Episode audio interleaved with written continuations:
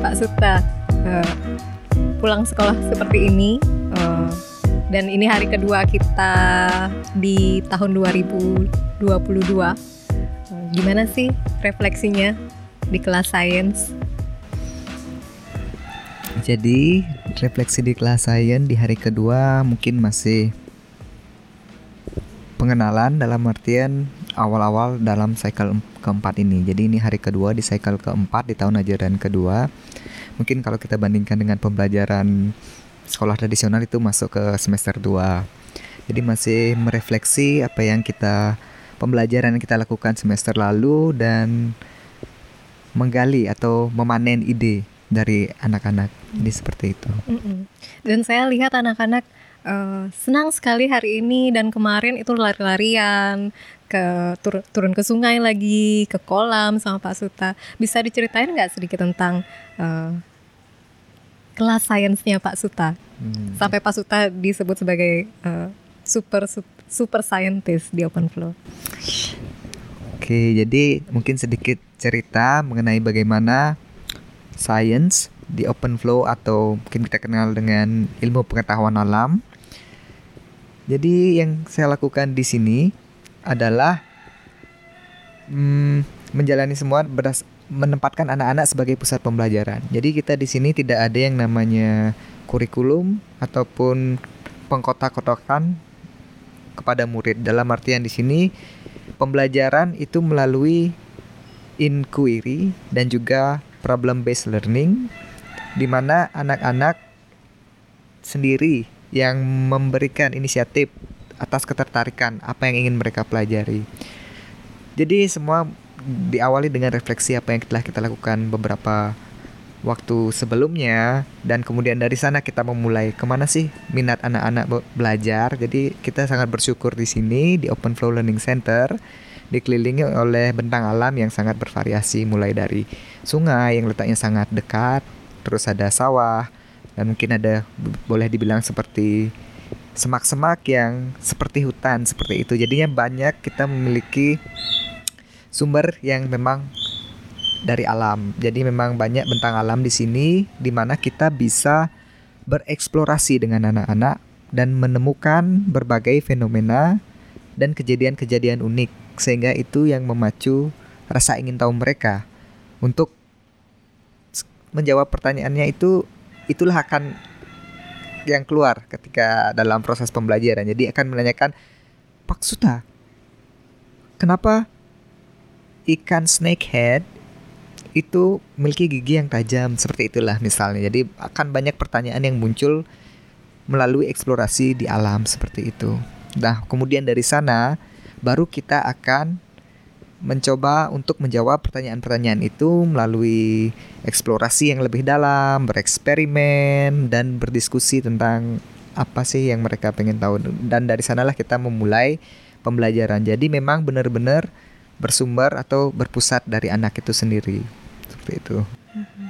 Dan saya uh, melihat sendiri bagaimana anak-anak sangat bersemangat um, seperti bermain tapi juga belajar, mengeksplor sungai, uh, sawah, kebun, uh, hutan yang ada di sekitar open flow. Um, banyak bertanya dan rasa keingintahuannya sangat tinggi tentang apa yang mereka lihat, apa yang mereka dengar, dan sangat terinspirasi dari Pak Suta uh, yang juga terlihat sangat menikmati apa yang Pak Suta lakukan. Jadi tidak tidak terasa seperti guru pada umumnya. Jadi seolah-olah uh, saya yang saya lihat itu uh, loving my job atau mencintai pekerjaan saya atau mencintai yang saya lakukan itu sangat terpancar dari Pak Suta dan itu saya rasa menginspirasi anak-anak. Um, yang saya ingat dulu uh, pada saat Pak Suta pergi memancing dengan anak-anak di sungai. Hmm, dan yeah. dari kegiatan memancing itu itu bisa akhirnya anak-anak belajar jenis-jenis ikan dan uh, biota yang ada di sungai. Yang itu saya sangat kagum melihat bagaimana eh, anak-anak belajar banyak hal, tidak hanya tentang lingkungan, tapi juga belajar akhirnya belajar tentang survivor, belajar tentang um, hewan lokal, belajar tentang bagaimana uh, menghargai uh, satwa atau lingkungan yang ada di sekitarnya itu sangat uh, sangat menginspirasi bagaimana saya melihat anak-anak menyenangi belajar, anak-anak senang menjadi belajar. Um, nah, pertanyaan selanjutnya uh, yang muncul hmm. dari situ adalah uh, bagaimana uh, kita tetap um, bagaimana kita tetap um, membuat rasa keingintahuan, membuat rasa senang belajar itu hidup, uh, terutama dengan kadang-kadang seperti sekarang nih hujan mm -hmm. seperti itu. Um, yang saya lihat dari dari yang Pak Seto lakukan di di science, uh, yang mungkin orang lain itu lihat seperti halangan, tapi malah menjadi seperti wah ada sesuatu yang baru yang bisa dieksplor. Bisa diceritakan nggak hal-hal yang terjadi di kelas sains uh, yang unik, yang menyenangkan, yang mengubah tantangan menjadi sesuatu yang bisa dipelajari atau dieksplor? Ini sangat menarik untuk dibahas ya. Jadi mengenai yang pertama mungkin tentang mungkin saya kalau dibilang sebagai guru IPA mungkin setengah-setengah karena saya merasa diri saya sebagai seorang saintis. Mungkin itu yang menginspirasi anak-anak. Jadi saya tidak hanya memberikan support, membimbing mereka untuk belajar sesuatu, tapi saya juga melakukan itu karena memang dari diri saya senang untuk melakukan itu. Jadi saya sangat senang terhadap kehidupan di bawah air seperti ikan, karena teringat dulu ketika SD memang senang memancing kan menghabiskan waktu kita waktu SD pulang jam 10 jadi bekerja di open flow mengajar anak-anak di sini benar-benar mengingatkan saya ketika SD.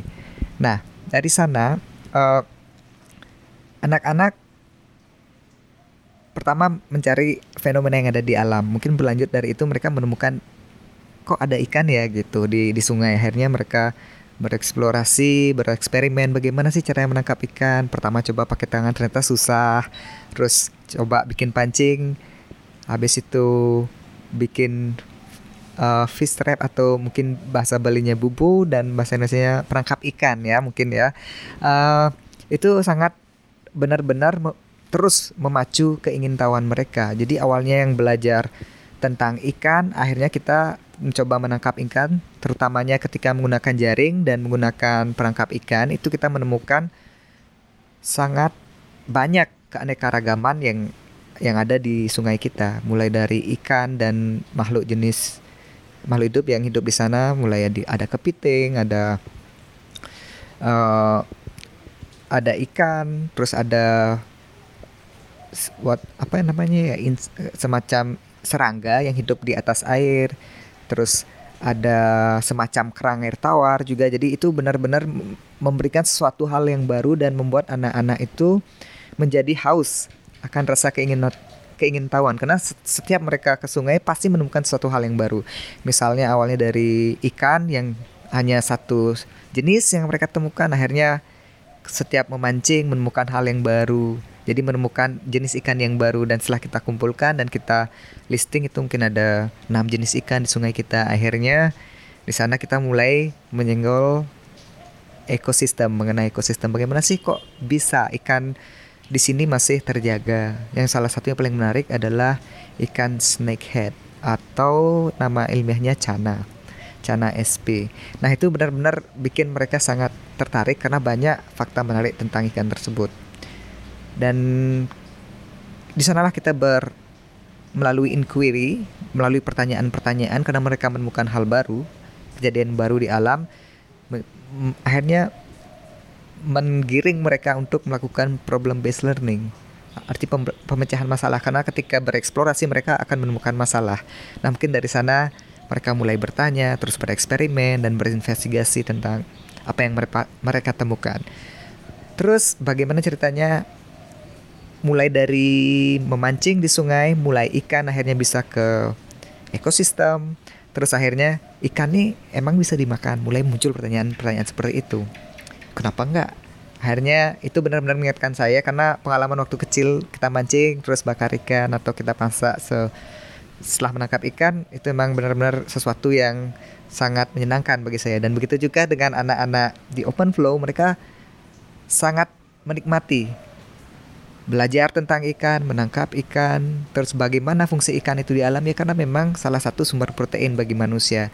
Dan akhirnya itu ya kita memang menggiring untuk ke survival. Jadi cara bertahan hidup di alam. Jadi seperti itu. Jadi ketika bertahan hidup kita membutuhkan makanan. Jadi tidak hanya dari hewan, kita juga belajar tentang tumbuhan karena tumbuhan yang ada di sini masih terjaga karena di pinggir sungai yang jarang dijamah oleh orang orang lain sehingga masih ada paku, ada artokarpus atau bahas, bahasa lainnya mungkin bahasa lokalnya itu tap.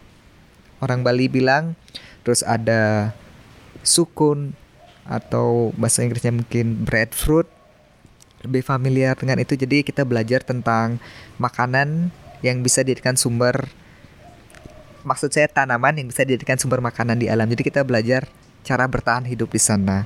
Dan itu menggiring akhirnya ketika kita makan berarti dia mengandung nutrisi. Akhirnya kita belajar nutrisi dan juga sistem pencernaan. Saya mungkin merasa apakah akan berhenti di sana ketika sistem pencernaan pada manusia sudah selesai dibahas akhirnya itu bagaimana dengan sapi?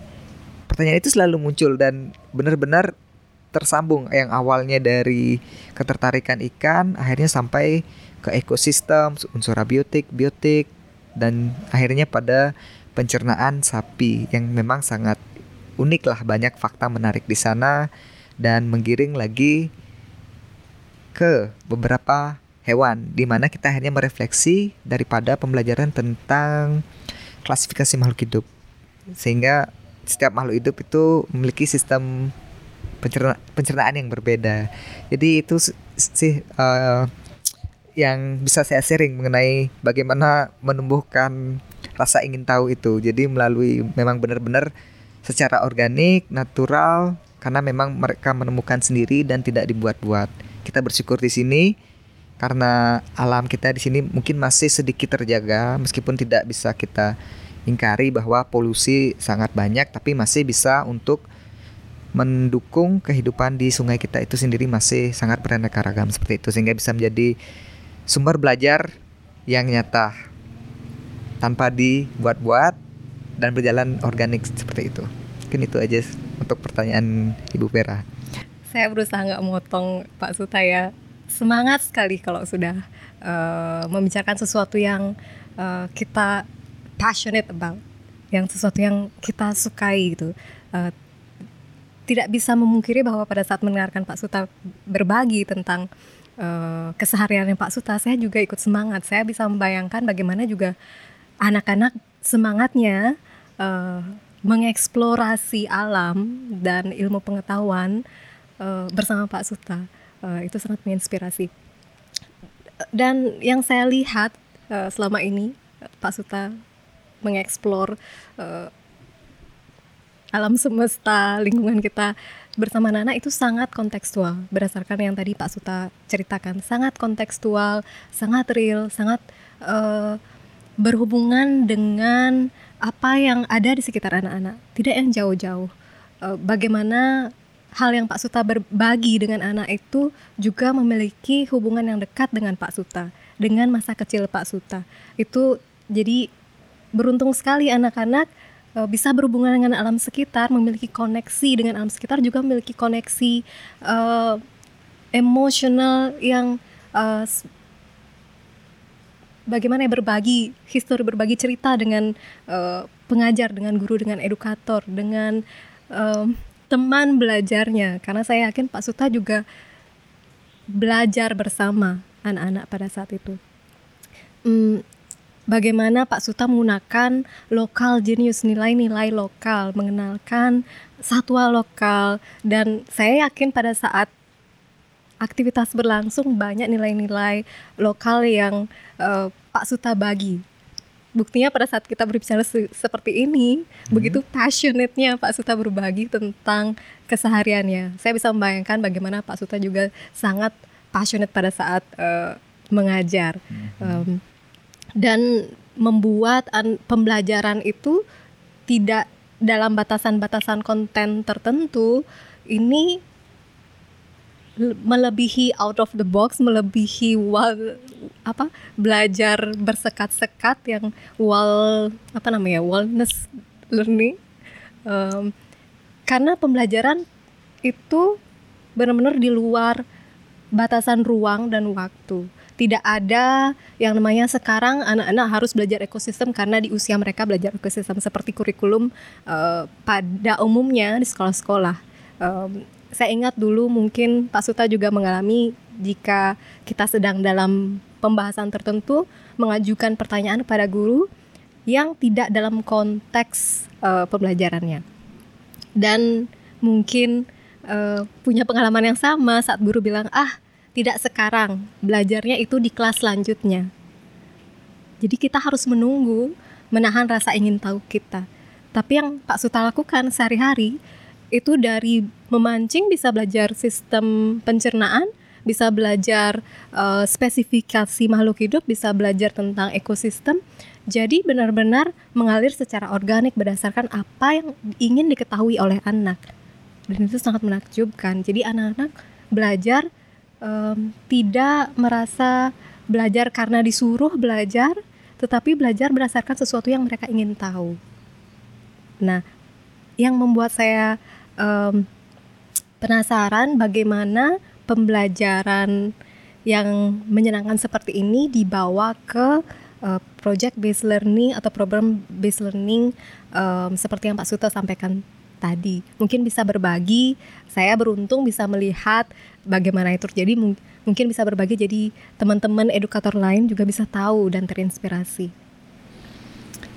Yap, terima kasih atas pertanyaan berikutnya. Mungkin saya akan jawab pertanyaan yang sebelumnya mengenai local genius yang pertama. Jadi mengenai local genius yang nanti nantinya juga akan mengiring ke arah uh, diskusi ini ke arah problem based learning, jadi metode pembelajaran berdasarkan masalah. Jadi yang pertama mungkin saya akan sedikit bercerita tentang uh, lokal jenis apa yang bisa saya berikan, uh, yang saya bawa ketika melakukan proses pembelajaran dengan anak-anak. Mungkin salah satu yang paling simpel adalah mengenai makanan atau tumbuhan yang bisa kita makan. Jadi salah satu lokal jenisnya adalah tentang paku. Jadi paku yang masih muda itu memang bisa kita makan dan itu mungkin satu hal yang baru bagi mereka. Mereka pikir itu tidak bisa dimakan. Jadi selain itu bisa dijadikan umpan untuk memancing ikan yang omnivora atau pemakan tumbuhan itu juga sebenarnya kita bisa jadikan sayur sebagai sumber vitamin dan serat. Jadi itu salah satu uh, lokal genius yang bi bisa saya sampaikan. Terus uh, mungkin yang lainnya bagaimana kita membuat perangkap ikan yang bisa kita buat dari bambu. Mungkin itu agak susah bagi anak-anak, tetapi itu menggiring mereka, meskipun melalui pengenalan bagaimana cara membuat perangkap ikan dari bambu, itu menggiring mereka untuk menemukan hal yang baru. Karena ketika mereka ingin membuat perangkap dari ikan, mereka menemukan masalah. Masalahnya mereka belum belum bisa karena itu sedikit rumit, harus menggunakan uh, banyak alat sehingga menemukan masalah lah. Karena mereka tidak bisa membuatnya sendiri secara mandiri. Akhirnya mereka mencari permasalahannya itu di mana dan akhirnya menemukan solusi. Salah satu solusinya adalah membuat perangkap itu perangkap ikan itu dengan botol plastik bekas. Misalnya beberapa botol bekas air mineral yang juga kita temukan sebagai sampah. Jadi ketika problem based learning terhadap apa yang mereka inginkan untuk menangkap ikan bikin perangkap ikan terjadi kendala dan mereka juga secara tidak langsung menemukan masalah lain yaitu berupa sampah. Dan ketika waktu itu mereka menyelesaikan masalah dua. Yang pertama membuat perangkat ikan dan salah satunya adalah ikut membersihkan sampah dan di mana itu tidak berhenti di sana sehingga pada suatu ketika sampai pada titik di mana kita melibatkan orang lokal di sini untuk bersama-sama membersihkan sungai. Meskipun seperti yang kita ketahui ketika kita membersihkan sungai itu pasti akan selalu ada sampah di sungai. Terus ketika misalnya kita membersihkan pantai, sekarang kita membersihkan pantai, besok masih ada sampah. Saat besok kita bersihkan lagi pasti akan selalu ada. Mungkin tidak tidak menyalahkan orang bersih sampah. Tentu itu sangat menarik dan sangat bangga melihat orang bersih-bersih pantai, bersih-bersih sungai. Tapi kalau kita berpikir jauh lebih dalam apa sih sebenarnya masalah di sana, kenapa selalu ada sampah di sungai dan juga di laut.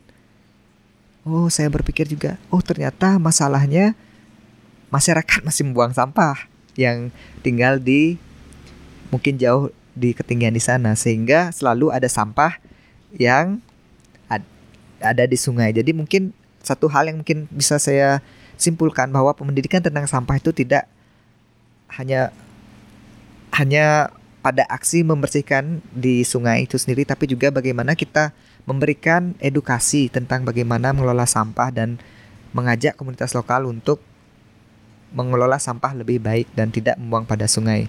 Karena ketika kita bisa memberikan kesadaran itu impactnya tidak langsung. Karena ketika mereka sudah mengerti dan memahami itu itu akan mereka bawa di keluarga mereka nanti ketika mereka berkeluarga dan akan terasa mungkin satu generasi berikutnya.